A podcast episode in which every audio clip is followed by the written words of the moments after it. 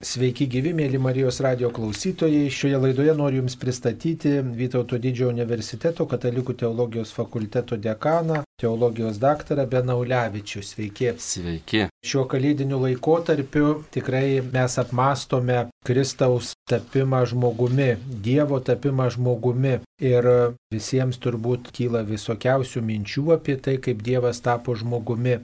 Švento Jono Evangelijos pradžioje skaitome, kad žodis tapo kūnu ir gyveno tarp mūsų. Ir mes tiek apsipratę esam su šitu tekstu, ypatingai viešpaties angelo maldoj, kuri dažnai Lietuvoje prisimenama melžiantis užmirusius, kad tiesiog nesuvokiam šitų žodžių tokios teologinės prasmės, gelmės ir nesusimastom, kaip tai yra vis dėlto didinga ir kaip tai yra paslaptinga ir turbūt mūsų protas iki galo niekuomet neišsems šito slėpinio. Taigi žodis tapo kūnu ir gyveno tarp mūsų šioje laidoje ir pasikalbėsim apie tą žodžio tapimą kūnu. Tas žodis, lietuviškai išverstas žodis, tačiau graikiškai skamba logos, gal turbūt yra verčiamas ir kitais žodžiais kas yra tas logos ir kitais terminais yra galima išversti arba suprasti šitą žodį. Iš tikrųjų, čia viena iš tokių temų, kur gali atsiverti akis, kad pasirodo, maniau, kad suprantu, o labai mažai supratau. Ir man taip pat nutiko mano tikėjimo kelionėje, kai pradėjau labiau domėtis žodžiais šventajame rašte ir jų prasme, supratau, kad galima suprasti giliau ir pats kvestionavau kai kuriuos savo, na, tokius įprastus tikrai, va, žodis tapo kūnu, žodis tapo kūnu, nuolat kartuodavau maldose, kaip geras katalikas. Ir tada palauko, ką aš čia turiu omenyje. Iš tikrųjų, kaip suprasti žodis tapo kūnu, koks čia žodis. Ar čia tas, kurį mes kalbame žodį, ar užrašome raidėmis. Bet tada labai mažas dalykas atrodytų. Mums daugelį žodį mes patiriam kaip tokį kalbos gabalėlį, kuriuo kažkokią informaciją pasakome. O Jonas savo Evangeliją pradeda taip, kaip kažkokiu labai didingu dalyku. Tai verta tikrai pasigilinti ir iš tikrųjų su vertimais čia irgi yra tokia detektyvinė įdomi istorija. Tas graikiškasis logos lotynų kalboje išverstas į verbum. Ir verbum taip jis reiškia tokį žodį, kalbamąjį žodį, Bet jau vienas iš didžiųjų bažnyčios tėvų Origenas aimanavo, kodėlgi lotynai logos išvertė į verbum, juk logos yra daug daugiau nei verbum ir pirminė prasmė kartais vertimu yra prarandama. Aš dabar darau tokį įvadą, kad truputį suintriguoti ir net lietuvių kalboje, atkreipkime dėmesį, filosofai mėgina rasti kažkokį kitą lietuvišką žodį tam logos pasakyti. Neseniai pasiūlymas buvo žosmė sako, sakykime, žosmė. Na ir tada veiksmažodis žosti, bet ir vėl problema, mes išverčiam graikišką žodį į lietuvišką vėl nesuprantamą žodį. Maždaug. Tai belieka pasigilinti, o ką vis dėlto Jono klausytojai girdėjo, išgirdę, kad žodis tapo kūnu, kad logos tapo kūnu. Ir tikrai tas logos anuomet buvo techninis terminas, Jį suprato visi, atkreipkim dėmesį, apaštalas Jonas nepuola aiškint, ką jis turi omeny, kas tas logos yra. Tai reiškia, kad klausytojai žinojo, turėjo bendrą įsivaizdavimą, apie ką jis kalba ir jie sukluso. Jonas atkreipė jų dėmesį. Tuo, tai paprastai galėtumėm palyginti, pavyzdžiui, kalbam apie kokią nors traukos dėsnį. Tai nereiškia, kad kas nors suprantam labai gerai, kas tai yra, arba atomus ar kokį nors kitą fizikinį dalyką, bet net nereikia kažkokio aukšto įsilavinimo, kad maždaug įsivaizduotum, kad yra toks dalykas ir nepradėtum aiškinti žmogui, klausytojui, aš turiu omenyje kažkokius mažus dalykėlius, iš kurių susideda tikrovė, atomai, ar ne?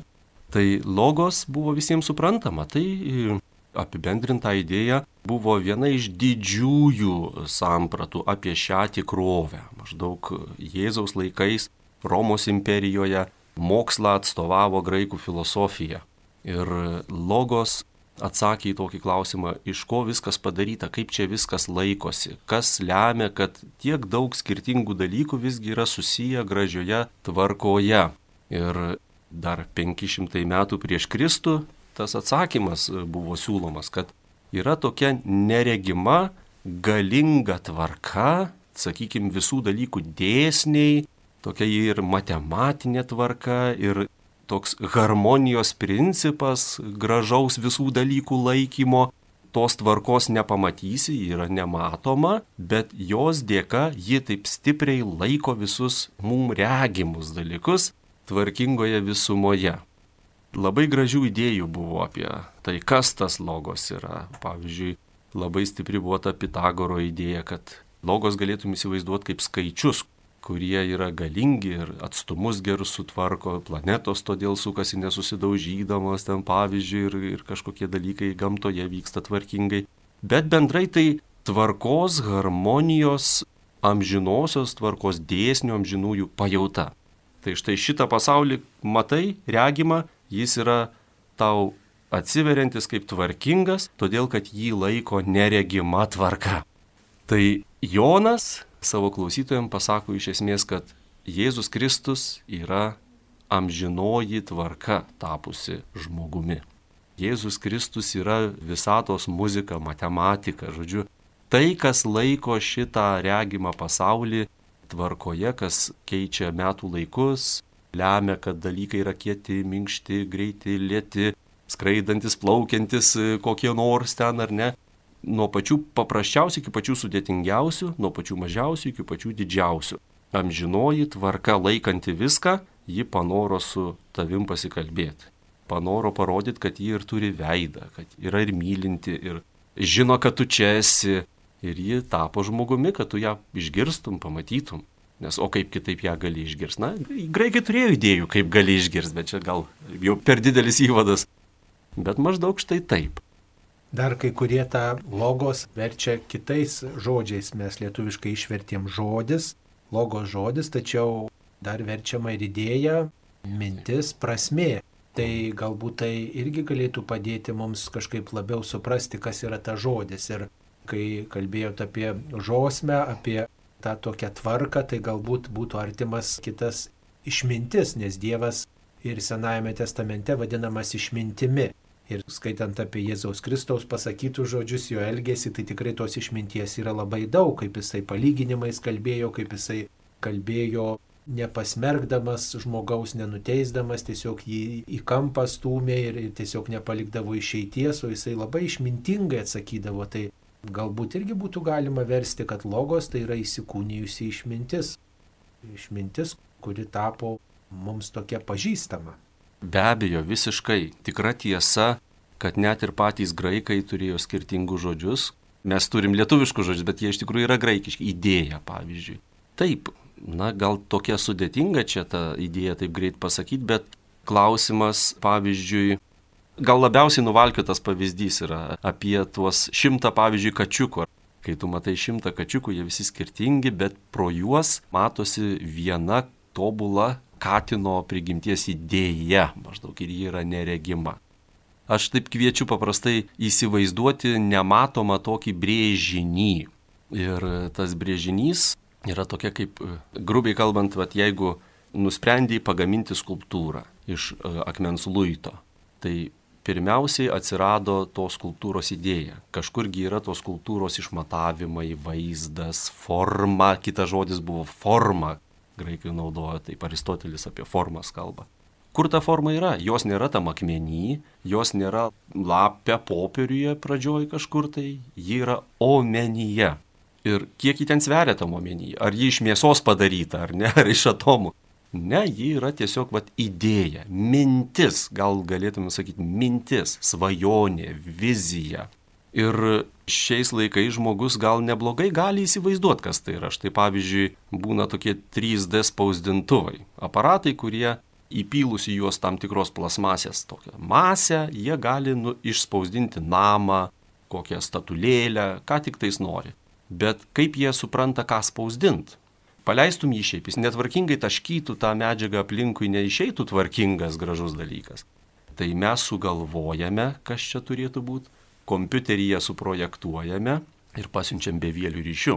Bevėlis ryšys nieko nesveria ta mintis, ar ne, bet ji nulėmė, ji pataiko į tą aparatą ir aparatas taiga parodo, kokia buvo mintis. Tai iš tikrųjų taip galim sakyti ir krikščionys taip tą logos idėją toliau ir puoselėjo, sekdami Joną, kad pats žodis, juk visada, kai mes jį pasakom, jis pasigirsta išorėje ir jis yra išorinis žodis. Bet jis atspindi vidinį žodį, mintį, kuri prieš tai buvo. Jei nėra minties, tai pražiotum lūpas ir ten pasigirstų neartikuliuoti kokie nors triukšmingi staugimas, urzgimas, bet mes kalbam kažkokią tvarkingą mintį, vadinasi, prieš tai omenyje yra vidinis žodis. Tai pasaulį galėtų matyti kaip tokį 3D spausdintuvą. Daug dalykų pagaminta, padaryta. Ir žvelgdami į juos matom, kiek daug tvarkos tuose dalykuose. Pasitaiko vienur kitur betvarkės, bet tvarka valdo, galima sakyti. Didžioji dalis šitos tikrovės yra neįtikėtino lygio tvarka. Vadinasi, ta tvarka, kurią matom, ji kyla iš tvarkingos minties, kuri mums neregima. Tai Augustinas ir sako, pasaulis pirmiau nei padarytas buvo pamastytas. Amžinosios Dievo mintis. Dievas turi svajonę, Dievas turi viziją, Dievas turi idėją maždaug. Ir štai sukūrimas pasaulio rodo tą Dievo idėją ir taip pat Jėzus Kristus yra Dievo vizija, Dievo svajonė, Dievo mintis tapusi realiu žmogumi. Nu, va, ne veltui paminėjote tą sukūrimą, tai tikrai yra tokia paralelė, galima išvesti tarp Jono Evangelijos pradžios ir tarp pradžios knygos. Žodis tapo kūnu, štai skaitome Jono Evangelijos pradžioje. Pradžioje buvo žodis, ta žodis buvo pas Dievą ir žodis tapo kūnu. Štai tokie žodžiai kartojami, toks tekstas kartojamas. Ir pradžios knygoje skaitome, kad Dievas tarė ir tai atsirado, ir tai buvo gera, ir tas pasaulis taip pat kuriamas buvo Dievo žodžiu.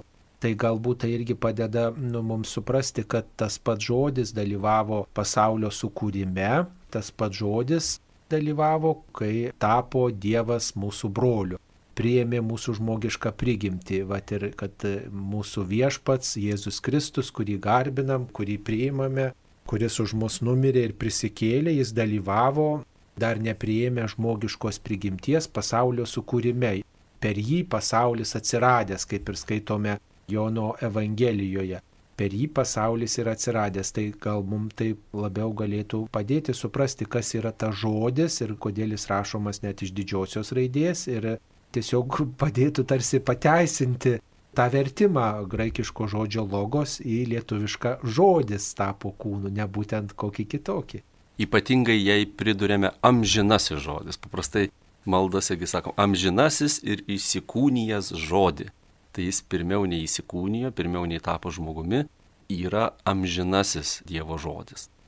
Aišku, mum žmonėm, kai pradedam žmogiškai galvoti, tai mum ir kyla tie klausimai, nes atkreipkime dėmesį, mes esam suskaldyti žmonės. Nuodėmė lemia taip pat, kad mes neintegralūs asmenys. Vienaip galvojam, kitaip šnekam, trečią darom, paskui gailimės, žodžiu, daug mažų tokių krypčių mumise, bet tikras integralus, brandus asmuo, juk jis tai, ką masto, tai ir kalba, jo žodis ir jo mintis yra viena. Jo asmuo ir jo mintis ir jo žodis yra viena. Ir apie trejybę, apie Dievą trejybėje taip ir dėrėtų galvot. Tai čia užslėpinys. Tikrai sunku tada pasakyti, kaip čia ta Dievo išmintis, mintis yra dar kažkas greta jo, tartum, nu nėra greta, nėra geografinio tokio kalba netinkama, bet tikrai prieš tai paminėjo tą patarlių knygą ir Jėzaus laikais labai gerai ne tik graikai, bet ir žydai žinojo tą logos teoriją, logos idėją, nes daugelis iš jų žinojo graikių tos mokslus ir filosofiją. Ir pavyzdžiui, toks Filonas Aleksandrietis. Aleksandrietis reiškia Aleksandrijoje gyveno, graikų minties centre ir jis daug kalbėjo apie tai. Jis mylėjo šventąjį raštą, Torą ir kalbėjo apie Mozę, apie šventyklą, bet viską aiškino sėdama su Platono filosofija, su ta logos filosofija. Ir jis tartum sako graikam kolegom, klausykit, mes visada žydai žinojom apie logos. Juk patarlių knyga, išminties literatūra visą sako, yra su Dievu jo išmintis. Ir patarlių knygo aštuntam skyriui gražiai taip ta išmintis personifikuota, jis sako, kai Dievas kūrė pasaulio pamatus dėjo, aš ten buvau, aš ten žaidžiau arba šokau, skirtingi vertimai, bet buvau jo akivaizdoje, tai su Dievu yra jo išmintis. Na, tai iš tikrųjų apie antrąjį trejybės asmenį, apie Jėzų Kristų amžinybėje, krikščionys visada kalbėjo kaip apie Dievo mintį, Dievo išmintį. Jis, jis gimė iš tėvo kažkaip tai minties būdu, išminties būdu. Tik pas mus, aš esu Benas Ulevičius, o pamačiau šiandien vieną, rytoj kitą, ta mano mintis manęs šimtų procentų taip substancialiai neatstovauja. Aš galiu rytoj sakyti, klausykit, atleiskit, aš ten nusikalbėjau, visai ne taip turėjau omeny, netapatinkit mano minties su manim. Bet Dievas tiek yra asmeniškas, tiek tikras, tiek integralus, vieningas su savim, kad tai, kas jo mintis yra, jis yra. Mes ir sakom, kad ne tik, kad Dievas myli, bet Dievas yra meilė. Jei Dievas žino, jis yra žinojimas. Tai štai jo mintis yra jis ir kartu asmuo, ta mintis ateina su mumis kalbėtis ir tokiu būdu taip trūksta žodžių ir trūksta laiko apie tą trybės slėpinį kalbėti, bet iš tikrųjų štai Justinas Kankinys taip gražiai sakė, kad Kristus vadinamas logos žodžiu iš didžiosios raidės, nes jis atskleidžia žmonėms tėvo mintis, kartu pats būdamas ta Dievo mintis. O ką mes dar galėtume pasakyti apie tą keitimąsi, kaip mes žmonės suprantam, kad mūsų mintis keičiasi, mes klystam, mūsų tas pažinimas prasiplečia ir mes nekalbam taip, kaip kalbėjom gal vakar, mes pažįstam tikrovę, mes pažįstam save, pažįstam kažką daugiau ir, ir galbūt pakeičiam savo požiūrį ir, pavyzdžiui, vieną dieną teigiam, kitą dieną neigiam įsižadam savo požiūrio, pavyzdžiui, sovietmečių mes galbūt kai kurie kalbėjom vienaip, mums atrodė, mes buvom įsitikinę, kad yra taip, pasaulis taip sudarytas ir čia nėra jokios nemirtingos sielos, žmogus miršta, viskas išnyksta, o štai atrandam tikėjimą, patiriam Dievo artumą, jau mūsų mintys keičiasi, jau mes teigiam kitaip ir mes įsižadam to, ką kalbėjom ir rašėm anksčiau. O kaip yra Dievo mintis, juk viešpats turbūt irgi keičia savo sprendimą, savo įžvalgas, nes, pavyzdžiui, žvelgia į pasaulį, mato žmogaus atgailą ir savo sprendimą pakeičia, gal irgi yra kažkas tokio panašaus. Be abejo, šventajame rašte dažnai Dievas, tartum atrodytų, siekia žmogaus atsivertimo, kviečia jį ir ypatingai Senajame testamente žmonijos praeities kelionės etapuose dažnai ir labai žmogiškai kalba su žmogum, bet tikrai nėra tikslas nei pranašų, nei kitų Senojo testamento įkvėptųjų autorių, kad žmogus pradėtų samprotauti, tai kaip čia Dievas keičia savo požiūrį ar nekeičia savo požiūrį, bet kad jis atsiverstų. Be abejo, nes vos tik pradedam taip labiau svarstyti, labiau pradeda atrodyti, kad Dievas visada mum yra atleidęs. Jis visada yra toks, koks yra, bet mūsų užsisklendimas jo atžvilgiu arba atsiverimas jo atžvilgiu ir daro mūsų Dievo patirtį. Kaip pasakyti, Dievas netleidęs arba pykstantis, tai tiesiog, gal sakytumėm, namuose nėra kalbėjimos, yra tyla, yra šaltis. Tai ne todėl, kad Dievas užsisklendęs, bet todėl, kad aš toli kažkaip nuo jo. Ir, bet visa tai taip pat lydi ir toks šiurpa keliantis nuostabus liepinys, kažkaip, kad Dievas leidžiasi į tikrai labai rimtą kelionę su kintančiu žmogumi. Vat kaip tą paaiškinti. Dievas pats nėra kintantis, kuria prasme jamgi nieko netrūksta, jo negali papildyti kažkaip.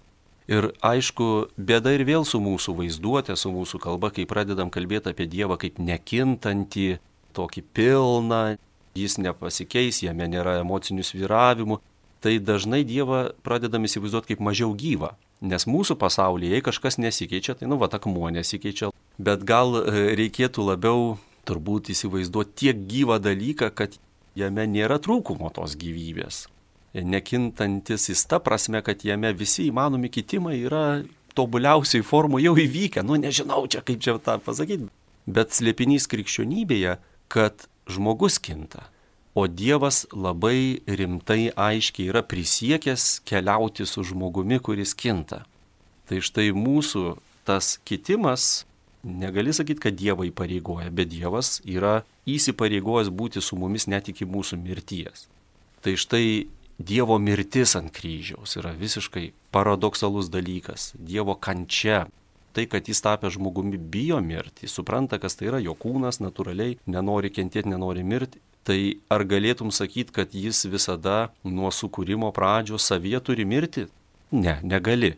Bet jam mirtis nėra žaidimas. Jis iš tikrųjų tikrai todėl, kad tu žmogau, kurį aš sukūriau lydėti, su kuriuo būti sandoroj, tu žmogau keliauji į mirtį, gerai aš eisiu su tavim. ką tai reiškia ir vėl gal nėra jau tikslas pradėti galvoti, kaip tai įmanoma dabar, kaip Dieve toks pasikeitimas, bet jeigu pradėtumėm galvoti, tai reikėtų sakyti, žinai, šiurpa kelia, negaliu suprasti, bet ar tik nebus taip, kad amžinasis Dievas net savęs kažkiek įsižada, kad būtų su manim ten, kur aš esu beveik sunaikintas toj mirty, kad patirtų tą mirties siaubą ne žaidimo būdu, bet iš tikrųjų tai mes to nesuprantam, bet sakom ačiū Dieve tau už šitą slėpinį. Grįžtant prie to amžinojo žodžio, čia sakytų viduramžių didieji teologai, kad Dieve yra visų daiktų tobuliausios formos.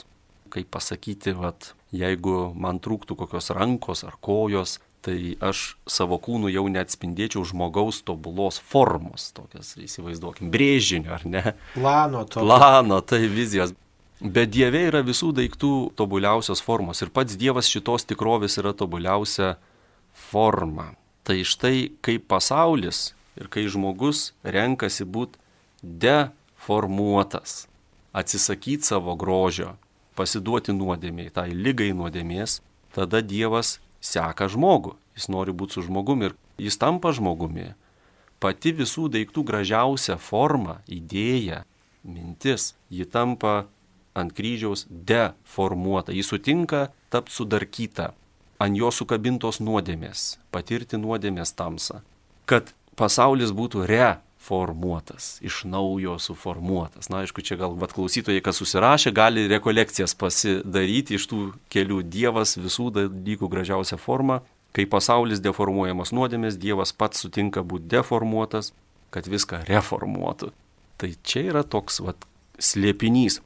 Kita vertus, ką dar paminėjote apie tą nekintantį Dievą ir mūsų kintančias mintis, tai aišku, mes pilni nuomonių, mūsų dažnai mąstymas yra tokios nuomonės, spėlionių visokių apie dalykus, bet e, labai gražiai Benediktas XVI dar, kai nebuvo popiežius, rašė, kad krikščionio gyvenimo pozicija šitam pasauliu. Krikščioniška pozicija yra priimti visus dalykus pirmiausiai su nuostaba kaip jau pamastytus, jau pasakytus, Jie netobuli, bet jie tikrai pagrysti Dievo amžinąją mintimi. Tiesa iš didžiosios raidės. Štai kas mums tiesa. Nesarašėlis kažkokių taisyklių pirmiausiai, bet tiesa, kuri yra tikrovė. Tikrovė visą rodo Dievo minties tiesą.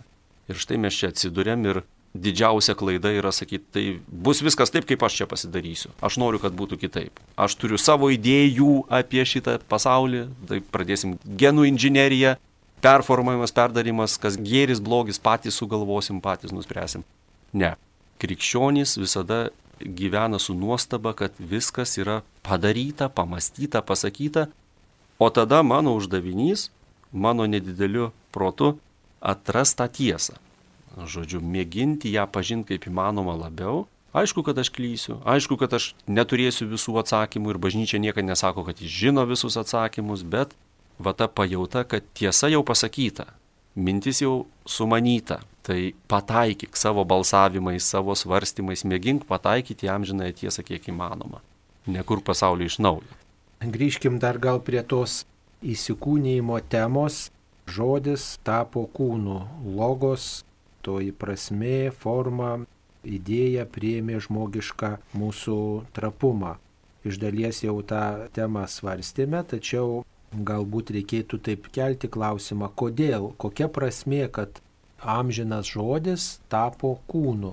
Žodžiu, ar tai yra kelios versijos keliamos, ar tai yra mūsų ta nuodėmė, toji priežastis, kodėl amžinas žodis, amžinas nekintantis žodis prisėmė tą trapę prigimti, ar yra Dievo ta meilės pilnatvė, ar dar teisingumas, dar kažkokie priežastis, kad štai tai įvyko.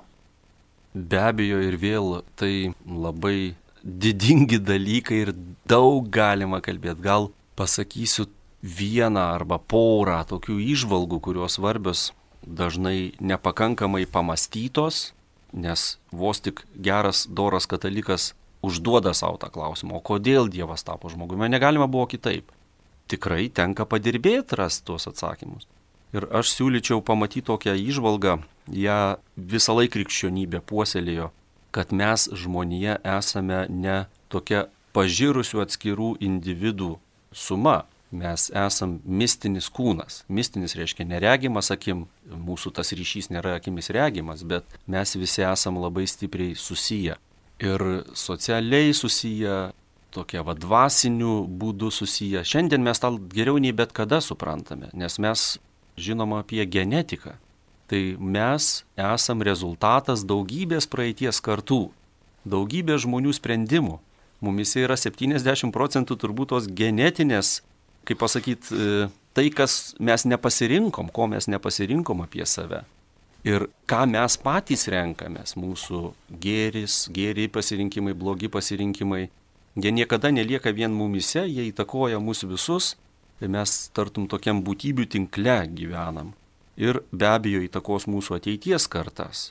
Tad jei turim šitą viziją, bažnyčia vadina ją žmonijos solidarumo doktrina. Tokia tiesa, kad mes solidarūs gėryje, blogyje ir solidarūs todėl, kad mes tiesiog susiję kaip toks ypatingas organizmas.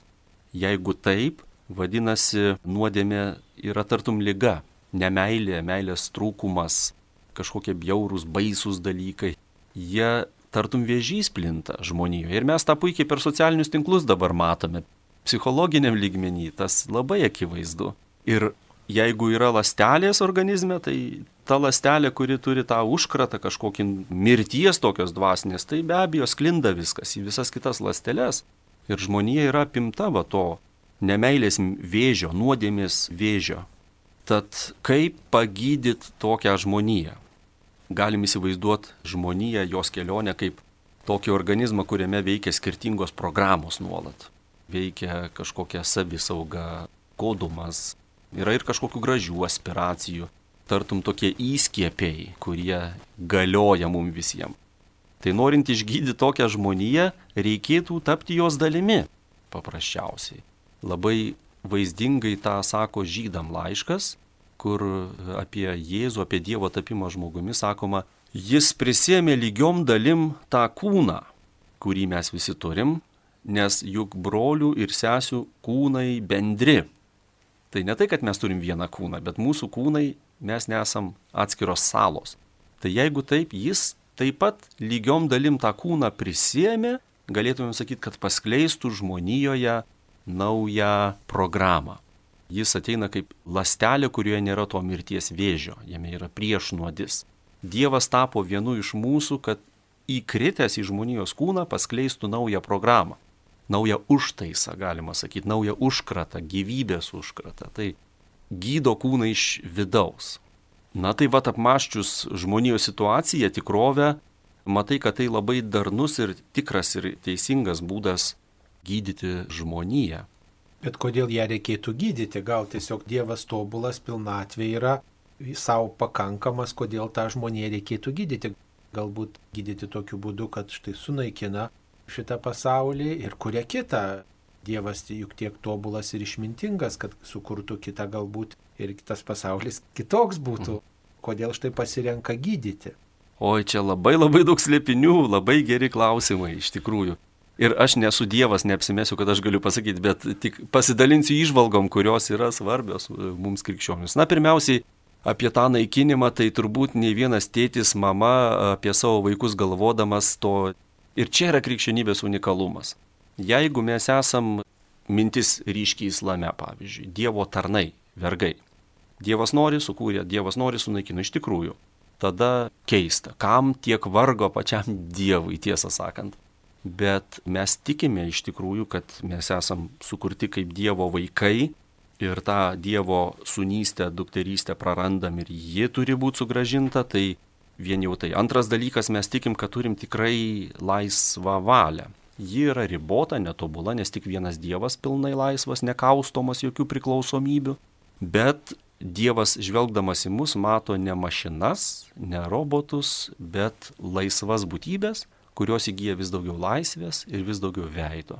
Ir jeigu taip, jeigu šitaip, tada iš tikrųjų sunku įsivaizduoti pasaulį, kuriame nėra galimybės nusidėti.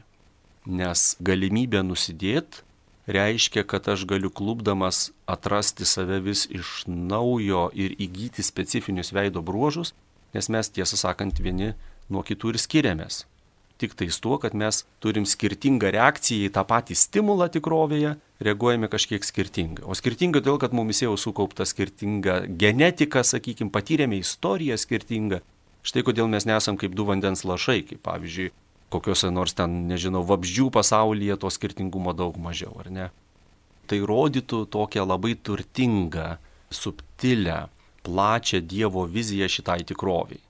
Nes jei palyginam šitą pasaulį su tokiu daiktu, kurį pasidarėm, padėjom ant palangės, tada taip, didelio sentimento nėra, nėra didelių problemų, bet jeigu kūrėjas, kurdamas savaime, kuria jau vaikus, nes sako, pagal savo paveikslą panašumą sukūrė žmogų, ir kai padomui gimė setas pagal jo paveikslą ir panašumą. Tai kitaip tariant, čia giminystė, Dievas kūrinyje nusprendžia daryti savo vaikai, savo giminę. Ir kaip padaryti tą kūrinį laisvą, kad jame veidas atsirastų, ne tik jis darytų tai, ką aš nusprendžiau, kad jis darytų. Kad bendravimas būtų gyvas, kad kelionė būtų tikra neapsimestinė, tada mes neišvengiamai susidurėm su nuodėmės galimybė, bet ta palaiminta kaltė, kuri duoda tokį išgelbėtoją, na, reikštų, jeigu žmogus turi galimybę kristi žemai, jis taip pat turi galimybę kilti labai aukštai. Ir tada Dievas iš tikrųjų asmeniniu būdu kažkaip tai intimiai ateidamas į mūsų gyvenimą įvairiais būdais, ne vien savo įsikūnymu, bet įsikūnymu labiausiai, parodo staiga atsidengia tas revelacijo, užuolaidos, paslaptis, kuri buvo angelam net nežinoma, pasirodo užmojais, kad Dievas pats yra kūrinių draugas, Dievas pats yra kūrinių ir tėvas, ir brolis, ir jis keliauja kartu. Ir tada, nu ką, belieka ašarą nubraukti, kokia drama, kokia draugystė, koks artumas. Nedaug ką čia gali labai suprast, bet jei šitą supranti momentą, Dievas su savo kūriniais draugauja ir yra jiem ištikimas, tada sakai, nu va štai kaip aš turėčiau gyventi. Man irgi parodoma, nes kitaip aš ir savo vaikus galėčiau tada cancelint, atšaukiam, darom naujus, jeigu jie blogi. Mes apmastydami Dievo santykius su kūriniais ir patys savo santykius su žmonėmis taip pat keičiam, koreguojam. O ar tas nuodėmės buvimas nėra toji priežastis, dėl ko ir įvyko tas įsikūnymas, dėl ko tas žodis tapo kūnu? Galbūt jeigu, sakykime, nebūtų žmogus pasirinkęs nuodėmės, pasirinkęs nepaklusti Dievui, gal to įsikūnymo ir nebūtų tos tokios paslapties, kurią mes švenčiame per šventasias kalėdas, kad amžinoji išmintis tapo mums tokia artima, priėmė žmogišką prigimtį.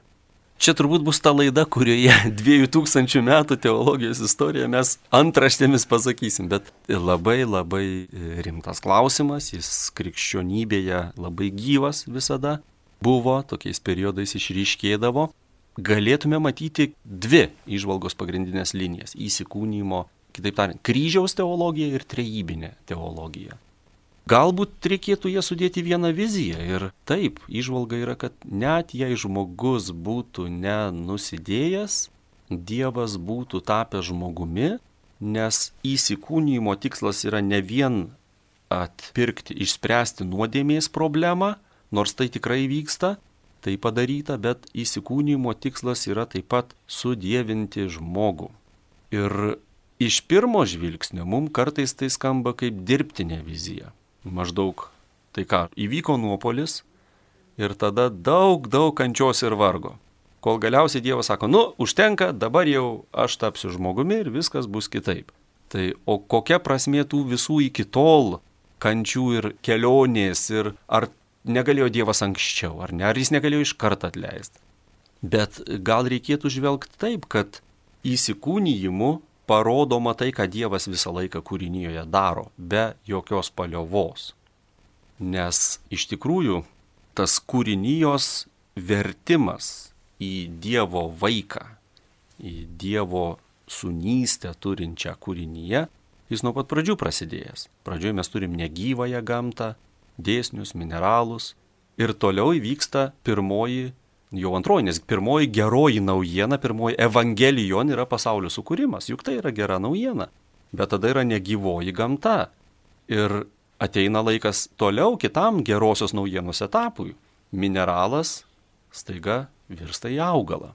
Kitaip tariant, čia taip galima šaržuojant, gal šmaišiai sakyti, jeigu ateitų pas mineralą koks kaktusas, ar alijošius, ar medelis, ar žolynas. Ir mineralas galėtų mąstyti, sakytų, klausyk, štai čia būtybė prieš mane, kuri daug plačiau mato pasaulį, matos jos komunija, ryšys komunijo, ryšys, juk augalas ir kvepuoja, ir šviesą aproprijuoja, ir mineralus, ir auga, ir kažkaip tai su kitais augalais bendrauja. O kaip man patekti į augalų karalystę? Klaustų mineralas. Ir augalas jam sakytų, jie galėtų pasikalbėti, Amen, amen, aš tau sakau, tu negali įžengti į augalų karalystę, nes kas gimė iš uolos yra uola, skaldimo būdu tik dauginas, bet turi gimti iš sporos, ten nežinau, grūdo, kad taptum augalu, taptum augalų vaikų, ne vien mineralų vaikų. Turi gimti dar vieną kartą. Ir mineralas su augalėtų. Nes augalas yra mineralas, kuris gyvas ir auga. Juk augaliai yra lygiai tie patys atomai kaip ir minerale įvyksta geroji naujiena, gimimas iš aukšto, iš aukštesnės pakopos, didesnė komunija atsitinka, nes augalas taiga sako, žiūrėk, pasirodo, koks pasaulis dinamiškas, aš nemaniau, aš tik tūnojau pasyviai. Augalas daug aktyvesnis, jis dar moraliai negali kažko rinktis, Toliau, aišku, paprastinant, tų pakopų labai daug, bet, sakykime, gyvūniška būtis. Kas čia dabar augalas galėtų naktį ateiti sakyti, klausyk, aš matau, kad tu atėjęs iš aukščių, tu kažkoks augalas su gebėjimu statyti bebrų namelį ir esti ten kažkokius emocijų kažkokiam užuomasgom, na, kaip man įeiti į gyvūnų karalystę. Ir sakytų, tu turi gimti iš kitokio dauginimuose, gimti iš aukšto, dar vieną kartą gimti ir tada staiga augalui atsiveria akis ir jis gali bėgioti ir karstytis, jo komunija padidėja. Tai yra geroji naujiena ir beje dar augalui tokiam. Jis gali visą tikrovę matyti kaip Senąjį testamentą ir Naująjį testamentą. Prieš tai jis paveldėjo augalinę tikrovę. Ir viskas. Tu esi šitam pasauliu tokiu būdu, todėl kad esi gimęs iš tokio grūdo. Tu augalas, vadinasi, tau yra augalinis pasaulis atvertas. Bet dabar staiga jis gyvūno akim pažvelgia į viską ir jis gauna naująjį testamentą. Jis paveldėja visai naują, kitokią tikrovę, daug platesnę, komunijo ryšys daug didesnis. Ir mes jaučiam, kur mes artėjam. Gyvūnas, jeigu žmogus, mes esam tokios būtybės, kurios jau perėjom tas pakopas mumis ir mineralas, ir augalas, ir gyvūnas, visos tos galios yra. Daugybė naujųjų testamentų, daugybė gimimų iš naujo, daugybė gerosios naujienos etapų Ir staiga mes matom, atėjo dar vienas. Jis kaip žmogus, bet kitoks. Ir sakom, čia kažkas ne taip. Mes įtariam, kad tas Ješuva Nazarietis, kad jis turi kitokį pasaulį, jo pasaulis komunijo daugiau ryšio, bendrystės. Ir mes einam nakčia pas jį, kaip mum įžengti į Dievo karalystę. Ir staiga suprantam, kas įvyko. Jis savo įsikūnymu Dievas mum rodo, kad visa visa tikrovė yra Dievo vis labiau tapimas žmogumi. Nes jei nebūtumėm krikščionis, tai įsivaizduotumėm Dievas sukūrė pasaulį ir padėjo jį į lentyną ir jis ten pasaulis kažkaip tai Dievui nieko apie jį nežinant, nesirūpinant vyksta. Bet kaip kardinolas Ratzingeris sako, taip, šitos visatos tapimas vis labiau žmogumi savaime reiškia Dievo vis labiau tapimą žmogumi, nes Dievas tuose procesuose stimuliuoja juos, jis keliauja kartu, jis yra. Tai štai va toks va milžiniškas didelis liepinys ir tas vis ėjimas į didesnę komunijo pilnatvę, atjauta pradeda rodytis tikrovėje, meilė, aišku ir tada moralinis diapazonas didėja. Kalbėjom tos mineralus, augalus, jų moralinis diapazonas mažas, bet kuo artin į asmeniškumą, į tokią būtybę kaip Kristus, tuo platėja tas gebėjimas būti šventu arba baisiu iš tikrųjų. Tai mes nereikalaujam ten žiūrkieno, kad jis būtų labai doras arba labai baudžiam jį, jeigu jis kažką netai padarė, nes jis kitaip negalėjo. Bet su žmogum gali būti žmogus pabaisa ir žmogus šventasis. Kiek pats tas žmogus, reiškia, pasirenka ir kiek yra tam ta tokia malonė į tą sudėvinimą įsijungti, dalyvauti tame sudėvinime, juk nupulti, tai mes galim patys savo pasirinkimais žemyn rėdėti, bet va štai kilti, kad mumyse būtų daugiau Dievo, ar čia mūsų tas yra pasirinkimas, mūsų pastangos, ar čia yra ta Dievo dovana. Be abejo, tai Dievo dovana. Taip paprastai galvojant, va tą didelę istoriją, kurią papasakojau, tai nei tas mineralas iš savęs neišstenėtų pilnesnės būties, nei mes galim iš savęs išspaust savo pastangom dievišką tikrovės patyrimą, tokį kristišką maždaug. negaliu aš savo pastangom labai išspaust atjautos laipsnio, nu galiu melstis, sakyti, Dieve, išmokyk mane labiau mylėti, bet aš negaliu sakyti, aš pats dabar tą padarysiu. Ir visada tai, kas yra brangiau, nuostabiau, gražiau, tartum iš viršaus ateina iš to pilnesnio gyvenimo į tuos, kurie žemesnį gyvenimą gyvena. Kita vertus, mes katalikai tikim, kad tas stebuklas negali įvykti, jei aš esu užsisklendęs, paprastai kalbant. Ir tikim, kad mes galim bendradarbiauti su malone, kitaip tariant, mes pastebim malonę ir sakom, norėčiau kartu. Aišku, taip labai gražiai skamba, bet tada, o kaip su žmogum, kuris atrodo nei gal pastebi tos malonės ir tai ką jis ar neturi jokių šansų. Tai čia gal gražu būtų pagalvoti, kad šventoji dvasia lyginama visada su ugnimi, vandeniu ir oru, kvėpavimu, ar ne? Ir tai yra trys dalykai, kurie labai skvarbus jie veržiasi, jie siekia, jeigu mažiausią plyšį randa, jie ten pateks. Tai va, tai kartais mūsų gyvenime yra ir tokie didžiuliai sukrėtimai per džiaugsmą arba per skausmą, netekti. Vis dėlto gyvenimas daro tos plyšius mumise. Ir kad būtumėm sudrebinti, dažnai taip ir nutinka, kai patys nenorim bendradarbiauti su tą malonę, nes apie ją nei galvojom, nei žinojom, ačiū Dievui nutinka tokie įvykiai, kurie mus kažkaip pažadina ir tą mintį atneša, kad gal vis dėlto yra kažkas daugiau, ko aš pats negaliu pasigaminti. Laimės negaliu, džiaugsmo tikro negaliu garantuoti savo. Ir prasideda kelionė, bendradarbiavimo su malonė kelionė. Turbūt reiktų pasakyti dar tokį dalyką, kad tas sudėvinimo procesas, supanašėjimo į viešpati procesas yra ir dovana, ir kartu mūsų toksai troškimo gal išpildymas, bet tai niekada mes nevirsime, kaip sakyti, tokie kaip dievai. Ir tai yra tiesiog panašėjimas, nuolatinis supanašėjimas su Dievu, tiesiog tas toks procesas, kuris nepadarys mus tokiais nesukurtom būtybėm nepadarys. Taip, tai. Kad būtume mes tokie kaip Kristus, nes mumise visada bus tas toks kažkoks įtrukis, kurį viešpats užglaisto, bet kartu mes visada būsim tik tai kūriniai. Niekada nepriliksim kūrėjui, kaip Kirilas Aleksandrėtis kadaise rašė, kad kaip geležis į karštą ugnį įmesta, ji niekada nepavirs ugnimi, bet ji reiškia, nu, vat, supanašėja, jinai kaista, parausta, tarsi ugnis, bet jinai visada liks geležime. Taip ir mes liksim žmonėmis, tačiau pripildyti tų Dievo dovanų. Ir visa tai vyksta tik tai to žodžio tapimo kūnų dėka. Nuo to prasideda mūsų išgelbėjimas iš nuodėmės ir tas sugražinimas į Dievo šeimą, priartinimas prie Dievo, kad galėtume būti jo artumoje. Taip, dar tokia galinga mintis, paprasta aš jos nepaminėjau, kalbėjom ten apie tokį sudėtingą, kad maždaug į žmonijos kūną Dievas ateina, bet yra ir tokia paprastesnė mintis. Labai gražiai šiandien Ratzingerį miniu į savo krikščionybės įvadę, pastebi, kad mes visi patiriam tokią baimę savaime.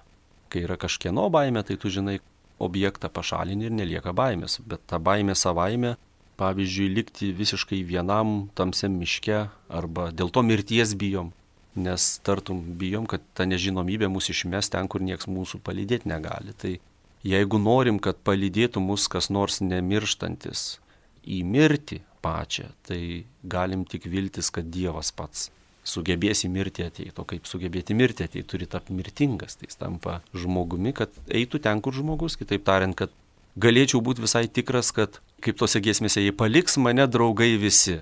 Tai, žinai, Jėzus nepaliks, jis mano visą kelionę jau seniai nužengęs ten, kur baisiausios vietos, kur galėčiau patekti, jis, jis žino, jam ten nėra svetima. Tai jeigu aš jo šaukiuosi, jis ten tikrai iš karto tą pagalbos ranką tiesia. Taigi, mėly Marijos radio klausytojai, šioje laidoje kalbėjomės apie Kalėdų laikotarpių švenčiamą slėpinį. Žodis tapo kūnu ir gyveno tarp mūsų, kokia šio slėpinio prasme ir koks tikslas ir ką tai reiškia, bandėme galbūt į kitą kalbą išversti, gal suprantamesnę, ir paaiškinti kitais žodžiais tuos tekstus, tą sakinį, kurį mes dažnai kartojame ne tik kalėdose, bet ir visus metus, ypač prisimindami mirusius viešpaties angelo maldoje. Žodis tapo kūnu ir gyveno tarp mūsų, tegul tas žodžio artumas, įsikūnijusio žodžio artumas lydimus visus metus. Šioje laidoje dalyvavo Vytauto didžiojo universiteto katalikų teologijos fakulteto dekanas dr. Benas Olevičius, įkalbino aš kunigas Saulis Bužauskas. Ačiū, sudė. Su Dievu.